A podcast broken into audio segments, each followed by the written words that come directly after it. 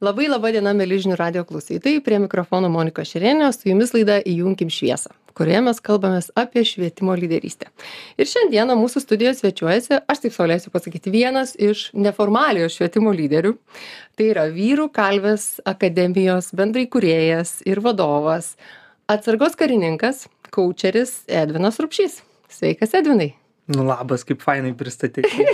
Wow. Nu, nurašiau tiesą sakant, bet Žiauriai okay. geras. Tai man dabar, va, iš tavo pristatymo vienam sakinyje suskambėjo pora tokių a, stiprių, sakyčiau, momentų. Vienas tai vyrų kalvė, Mhm. žodžių junginys, antras atsargos karininkas. Mhm. Ir aš galvoju dabar žmonės, kurie, tarkim, niekada negirdėjo apie vyrų kalvės akademiją, išgirdo tai ir aš galiu tik bandyti įsivaizduoti, kokį jie vaizdą savo nusipiešė. Kaip jūs ten tuos vyrus kaldinat. Tai. tai kad jie nesusidarytų neteisingo įspūdžio ar ne iš mano pristatymo, tai papasako, kaip ten viskas vyksta iš tiesų. Kaip mes kaldinam vyrus? Kalvė tiesiog gražus žodis yra, kuris ten yra. Um, kaip mano mentorius, draugas, bendrai kuriejas Vyrų kalvės akademijos mėgsta sakyti, ką mes čia darom, tai minkštinam vaikinų širdis ir grūdinam protus. Okay. Realiai mes darom tai. Um, labai yra sunku įvardinti porą sakinių, būtent kokia per, kokias veiklas mes vedam tos vaikinus. Tačiau pagrindinė esmė, ką mes darom Vyrų kalvės akademijoje, tai metų, uh, metų trukmės studijų programai, kurio jie mokosi neform, neformalio ugdymo principu.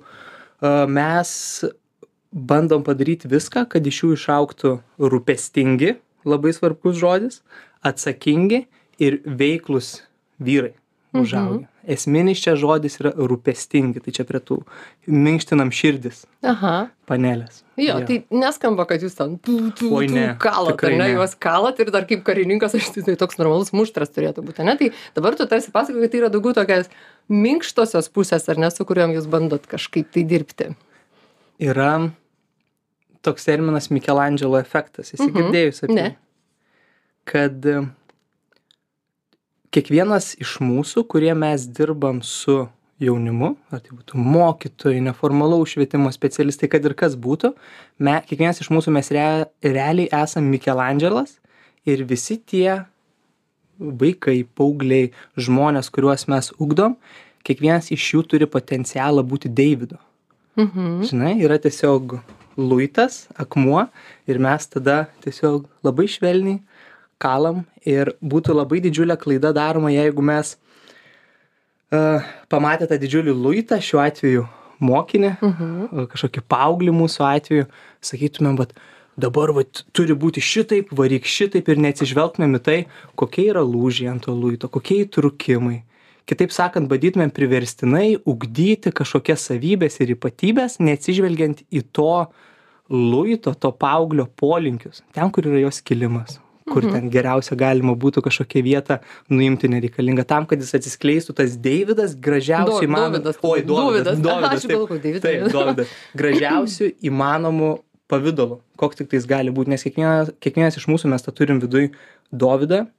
Tik klausimas, ar mūsų aplinkoje atsiranda žmonių, kurie yra pasiryžę pačiu švelniausiu būdu, tau priimtiniausiu būdu, be jokios prievartos parodyt, kad tas Dovydas tavyje gyvena.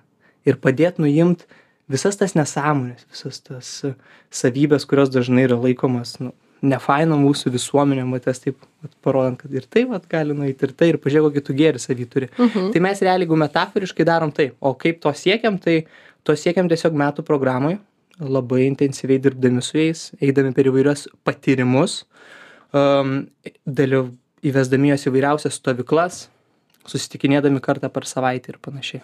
Mhm. Okay. Tai supratau, ne, neturit kažkokio standarto, Mhm. kur, iš kurio išėję iš akademijos jau jie būtų kaip nukalti, Oi, ne? niekada. Vienodį supratau, tai toks labai individualizuotas priimas. Taip. A, Gerai, pradėkime nuo to, kokio amžiaus a, vaikams, paaugliams skirta. Pas mus mokosi programa? vaikinai nuo 14 iki 18 metų. Metų Mhm. trukmės būtent programai. Okay. Ir tu sakai, kad yra labai įvairios veiklos, nu, papasakok plačiau, kokios jos būna. Ok, tai pagrindas yra tas, kad mūsų studijos susideda iš dviejų krypčių. Mes dirbam su paaugliais vaikinais ir dirbam taip pat su tėvais, skiriam dėmesio. Nes vieną dalyką mes labai aiškiai suprantam tai, kad kad ir koks pokytis vyktų neuronų lygmeny pas paauglius per šiuos metus tas pokytis bus daug kartų tvaresnis jeigu mes taip pat įdėsim pastangų ir dirbsim su aplinka į kurią jie jie grįžta po stovyklų po patyrimų ir panašiai. Tai čia yra dvi tokios grupės. Ir ką mes darom būtent su paaugliais? Tai per metus laiko jie turi penkias stovyklas turi penkis dienos patyrimus turi kassavaitinius onlain susitikimus. Dabar kuomet mes turim ir antrokus studijuojančius pas mus nes iš praeitais metais baigusių šimtuko šiais metais studijuoja dvidešim trys antram kurse. Tai antra antrakursiai taip pat turi savo asmeninį koučerį su kuriuo dirba kartą per savaitę. Ir labai gera matyt kas ten vyksta su kaip labai įdomu yra matyti skirtumą tarp pirmakursių šiais metais šimtuko atėjusių ir tų dvidešim trijų antrakursių kurie jau yra. Tai vat tai mes būtent iš tos specifinės pusės tai stovyklos patyrimai onlain susitikimai koučingas asmeninis dėmesys ir taip pat dar darbas su tėvais kad tai užsitvirtintų ir mes galėtumėm su tėvais žengt koja kojon. O kokios jau veiklos atsitinka ir ką mes veikiam tai kiekvieną kartą jaunuoliai atvažiuodami į stovyklas jie nežino kur jie atvažiuoja. Nu nežino. Ir jų tėvai nežino kur juos išleidžia. Ir tai tiesiog juos varo iš proto. Ir aš puikiai suprantu kodėl nes vienas sudėtingiausių dalykų. Mano galva šiandieninėj visuomenėj yra išbūti nežinomybėj Neapibrieštume. ne, neapibrieštume nežinomybėj kažkokio tipo chaose paimkim taip pavadinkim. A, nes viskas yra aplinkui saugu ir padaryta kuo kad viskas būtų kuo saugiau kad mokyklos būtų viskas viskas kuo saugiau kad visur būtų sudėtos pagalvės ir bet nu, tu monika puikiai žinai kad kai išeini į gyvenimą ten tų pagalvių kažkaip daug nebelieka. Tada tu jau atsiduri į, į sienas visokias gauni per galvą mokaisi per patirtį. Ir vyrų kalvės akademijoj mes vadovaujamės patirtiniu ugdymu kur vaikinai susiduria su įvairiom pasekmėm susiduria su netikėtom situacijom ir ta nežinomybė į kurią jie su kuria jie susiduria atvažiuodami į stovyklas leidžia juos ugdo juose atsparumą tai nežinomybei su kuria jie susidurs išėję vėliau į savo gyvenimą. Ir būna visaip kad atvažiuoja ir eina sau toks nerimas nežinau ką daryt bet svarbiausias dalykas ką mes padarom tai duodam jiems suprasti ir išgyventi pilnai širdim kad jausti nerimą susiduriant su nežinomybe viskas su tuo yra okei klausimas kaip aš renkuosi reaguot į tą nerimą kurį aš kurį jaučiu susidūręs su nežinomybe tai apsprendžia mane koks aš esu. Ir ar aš noriu jeigu dabar aš su tuo dorojuos kažkaip prastai ir panašiai ar aš noriu kad tai keistųsi ir jeigu noras yra okei mes juos lydim link to kad jie tvirtėtų. Galbūt dėl to ir kalvė nes vis tiek kalam. Supratau? tik švelniai švelniausiu įmanomu būdu. Okay. Aš girdėjau pavyzdžių, kai vaikai ne tik, kad nerimauja, jie net atsisako važiuoti stovyklas, ar ne, iš to, iš to tikrai, nu, vat, to, nu, tikrai baimės, ar ne, nes nežinau, kas bus, nes man tikrai nuoširdžiai neramu, o gal man vėl bus sunku, gal vėl bus nepatogu, ar ne, ir taip toliau. Tai, tai čia, čia iššūkis tėvams, aš suprantu, ar ne, kurie irgi žinodami, kas, kad ir jie nežino realiai, ar ne, jiems išleista vaiką ir dar jį kažkaip įtikinti, kad žiūrėk, nu, čia taip, nu, taip jo nepatogu, bet gal, nu, kažkaip pabandyk, ar ne, su to tvarkyti, nes, nu, ne šiaip savo ten atsidūrė, ar ne? gal, gal tai verta. Pavyzdžiui, mes um, labai gera matyti tokius pavyzdžius. Pavyzdžiui, vienos iš grupių refleksija Mhm. praeitais metais baigėsi. Tai jūs tą irgi nuolatos darote. O, refleksija yra kertinis akmuo. Mūsų visas veikimo principas yra tai, kad mes patiriam, pirmiausia, e, tiksliau kalbam, kodėl yra svarbu tai, ką mes tuoj patirsim, bet kodėl svarbu ne iš mano kaip suaugusio pasaulio pers- perspektyvos, Mhm. bet iš to jauno vaikino pasaulio perspektyvos, kodėl jam tai gali būti svarbu, tada tą dalyką patiriam, kuris ugdo tas savybės, kurios jam gali būti svarbios ir tada kalbam apie tai, kas čia buvo, Mhm. reflektuojam. Toks visas yra veikimo modelis, patyriminis, Aha. patirtinis būtent veikimo modelis ir vėliau užrišant mazgus. Gal gali iš karto pavyzdį kokį nors, kad tai taip susi- susijungtų. Nu, Gerai, ne? pavyzdžiui, vienas iš patyrimų, uh, tokių labai stipriai paliečiančių vaikinus, tiek praeitais, tiek šiais metais, buvo senelių slaugos namai. Nuvažiuoti į senelių slaugos namus, kur ten nėra senelių namai, o slaugos namai. Daugelis iš tų senolių ten buvusių, nu, jau tikrai eina link gyvenimo pabaigos ir tuomet vaikinai to patyrimo metu turėjo kiekvienas iš jų nueiti į pokalbį su vienu iš seneliu ir iš senelių ir pakalbėt apie būtent gyvenimą jo gyvenimą. Koks jis buvo užduoda tokius kertinius klausimus ir panašiai ko labiausiai gailisi koks buvo kai buvo paauglys kas jį labiausiai užkniso gyvenime um, ir daugybė visokių tokių dalykų. Ir po šito patyrimo daugelis vaikinų nu išsinešė tokį mes kalbam tuomet po viso šito patyrimo Mhm. reflektuojam ir sako eina sau. Pirmas dalykas kaip aš bijau savo gyvenimo gale tiesiog sakyti kad gailėjaus jog to nepadariau gailėjaus kad ano nepadariau gailėjaus kad kito. Aš tikrai nenoriu kad man taip būtų. Ir tai yra sukrečianti patirtis kai tu Mhm. matai senolį kuris va taip kalba. Arba antras punktas ką išsinešė daugelis vaikinų jog um, aš nenoriu būt toks apkartęs gyvenimo le- gale kad viskas tik blogai ir nefaina ir taip toliau. Kaip čia taip kodėl tai vyksta? Dėl to kad žmonės bijojo savo svajonių siekt bijojo rizikuot. Dėl ko? Ir trečias dalykas kodėl šitie žmonės čia yra kur jų šeimos. Ir jiem patiem kyla tokie apmąstymai ir jie apie tai mąstydami kalbėdami grupėj nes mes veikiam dvidešimties paauglių dinamikoj plius du trys vadovai prie kiekvienos grupės jie eina pro vidinius procesus ir įsisąmonina tuos dalykus. Nes mes galim jiem pasakot kiek norim apie gyvenimo laikinumą apie tai kad mūsų artimieji čia taip pat nebus amžinai apie tai kad mums reikia gyventi drąsiai siekt kiekvienos svajonės nebijoti rizikuot bet iš to nebus jokios naudos jeigu mes pirmiausia jiem neduosim patirti ir prisiliest prie paties to gyvenimo laikinumo Mm. jo tai va čia pavyzdžiui vienas iš tokių stipresnių patirčių bet viskas ką mes darom yra būtent nukreipta į patiriam kalbam kas čia buvo ką kodėl tau asmeniškai tai yra naudinga ir šitoj vietoj labai svarbus dalykas ką aš noriu paminėt kadangi aš labai tikiu kad tavo tinklalaidę klauso e, daug mokytojų ir su švietimu dirbančių Mhm. dirbančių žmonių tai kad um, dalykas kuris mum vyrų kalvės akademijoj atrodo kad labai gerai veikia ir aš nežinau ar tai yra teisingas dalykas tačiau bent jau kaip mes matom kad tai tikrai yra veiksminga tai kad mes prieš parodydami paaugliams koks yra svarbus mūsų kaip suaugusiųjų pasaulis ir kodėl jiem reiktų mokytis dalykus kurie mum atrodo svarbūs mes pirmiausia iš visų jėgų stengiamės gyventi ir išgyvent paauglio pasaulį tai kas yra jam svarbu dėl šitos priežasties pavyzdžiui kai mes kalbam apie dalykus kuriuos mes darom stovyklose ir panašiai pavyzdžiui dėkingumas kodėl yra svarbu ir Mhm. Kodėl rašymas yra svarbu mes pirmiausia visus šituos dalykus apipinam tą kodėl e, per tokias aksiomas ir tokius kampus kurie būtų naudingi ir paliestų tą paauglį būtent jį. Nes ko paauglys dabar nori? Nu jis būkim teisingi jie viską dabar turi. Jie turi vaifajų turi internetą turi namus turi maistą jie viską bet kada gali devices viskas devaisai yra vietoj ir dėl to net nereikia pasistengti per daug. Tai kaip galima daugiau vat juos įnorint per ką? Bet daugelis iš jų nori kitų dalykų ir tie dalykai nu jų amžiui nebūtinai yra blogi tai yra normalu pro tai reikia praeiti. Nori pripažinimo nori galios garbės a, nori meilės nori būt pastebėti ir per šit nori daryti įtaką socialinę nori būt galingi ir kokia tai forma bepasirinktų aš noriu būt influenceris pavyzdžiui ir panašiai. It's okay. Greičiausiai jis nori tokiu būt nes jis nori patenkint tą savo poreikį ko- kokį dabar jaučia. Ir mes prie dalykų prie ugdymo jų prieinam būtent per tą jūsų pasaulį. Okei žiūrėk kiekvieną dieną turi dabar rašyti savo dienoraštį. Užduotis jam neturi bet jum gali būt naudinga rašyti dienoraštį. Kodėl jum gali būti raši e, m, rašyti dienoraštį? Kaip aš pavyzdžiui mokykloj girdėdavau kad nu rašyt rašinėlius ir dienoraštį yra svarbu dėl to kad nu tu turi išmokt rašyt tau reikės laikyt egzaminą ir tu kalbėsi geriau nu ir tuom pasibaigia tas motyvacijos kėlimas Mhm, aš atsiprašau, Edvinai, turiu priminti klausytojams, kad Taip. šnekučiuojamės, ar ne?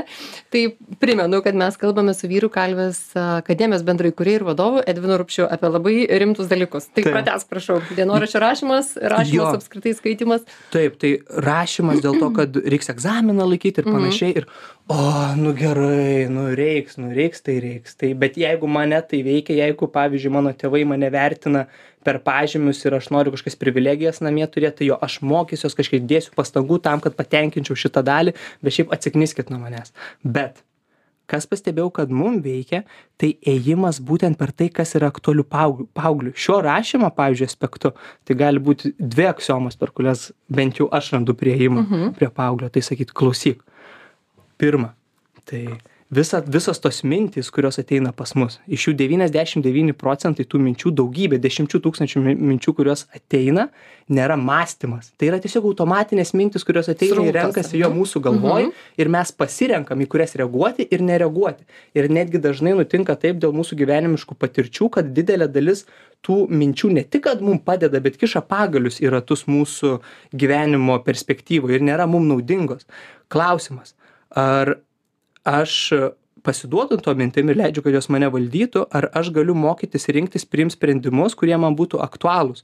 Ir rašymas pavyzdžiui viena yra iš geriausių priemonių skiriant kiekvieną dieną išsirašant savo mintis kaip aš jaučiuosi pastebėti tą savo mechanizmą mąstymo. Ir tada kai aš pastebiu tą savo mąstymo mechanizmą aš gerbiu a, mano socialinė įtaka didėja galia didėja aš išmokstu paveikti žmones Kaip tą galę parodyti? Aš ir- galvoju, čia ką, paustą parašysi įtakingesnį. Tai, Kaip? bet kaip čia jau Aha. klausimas kiek, kiekvieno Paulio, kiek, kiekvieno Dovido, kuris gyvena už tos, vat, e, Luito? už to luito, kas jam yra svarbu.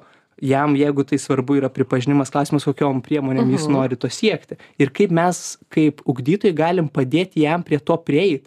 Nes vienintelis būdas, kada jis jaunas žmogus supras, kad visgi ne čia yra laimė, kad to pripažinimo siekis ir panašiai yra, kai jis tai susirinks ir paims tai.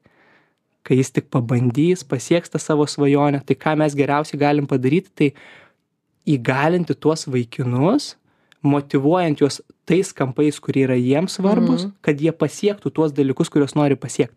Nes dar viena patirtis iš senelių namų, ką jie išsineša, e, labai svarbi tai, kad jeigu mes turim kažkokias svajones, kurios kirba mūsų kažkoksai noras, kiekvienas nurytas noras ir turbūt Monika tai puikiai žinai, gyvenimo gale jis kažkur kaupėsi kaip slibinas. Jis tiesiog yra.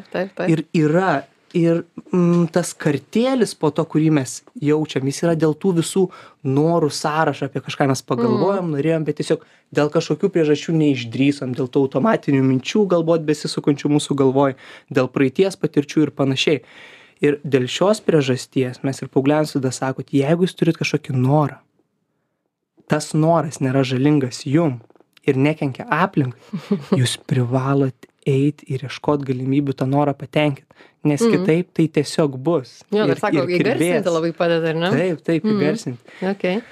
Edvinai, Tai laikas mūsų bėga ir aš Labai galvoju, gaila. man irgi galvoju apie poveikį.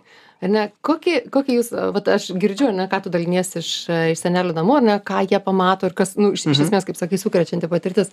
Aš gal kokį dar poveikį pastebėjot? Ar ne, Mhm. vat, sakė, ateina seniokai ir naujokai į akademiją ir matosi skirtumas. Tai ko- kas Taip. vat matosi, kas keičiasi tų paauglių galvose, nežinau, elgsenai. Taip, pagrindinis dalykas, tai ant ko mes labai visko statom, tai yra ant smalsumo.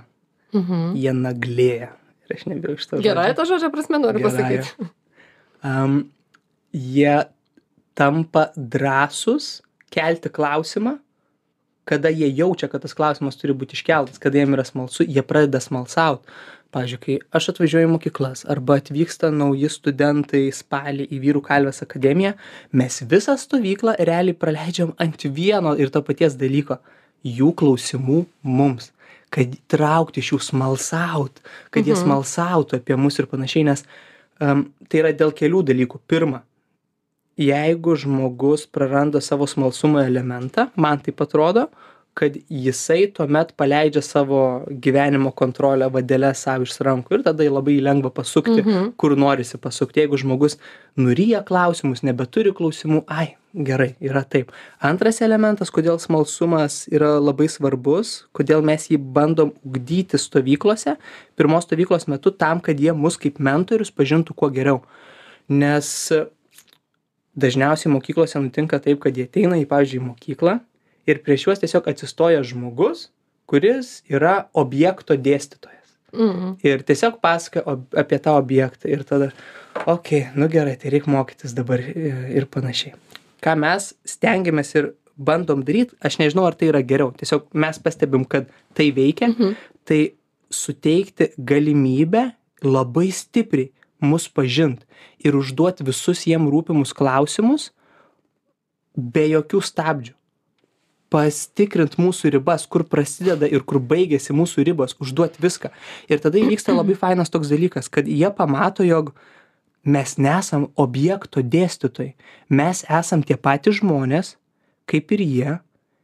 Ir mes ne tai, kad slepiam, mes drąsiai jiem pakla, e, paklausus dalinamės visom gyvenimiškom patirtim ir istorijom, tom temom, kuriomis dabar jie gyvena ir jų pasaulyje. Tai tokiam labai asmeniniam šiaip, taip, prasme, ne, nes jeigu gali bet ko klausti. Taip, tai yra santykiai, tai yra visi pirmi kartai, narkotikai, pažintis, bučiniai, viskas, jiem visa tai yra aktualu, jie apie tai klausia, jų tai yra galvose.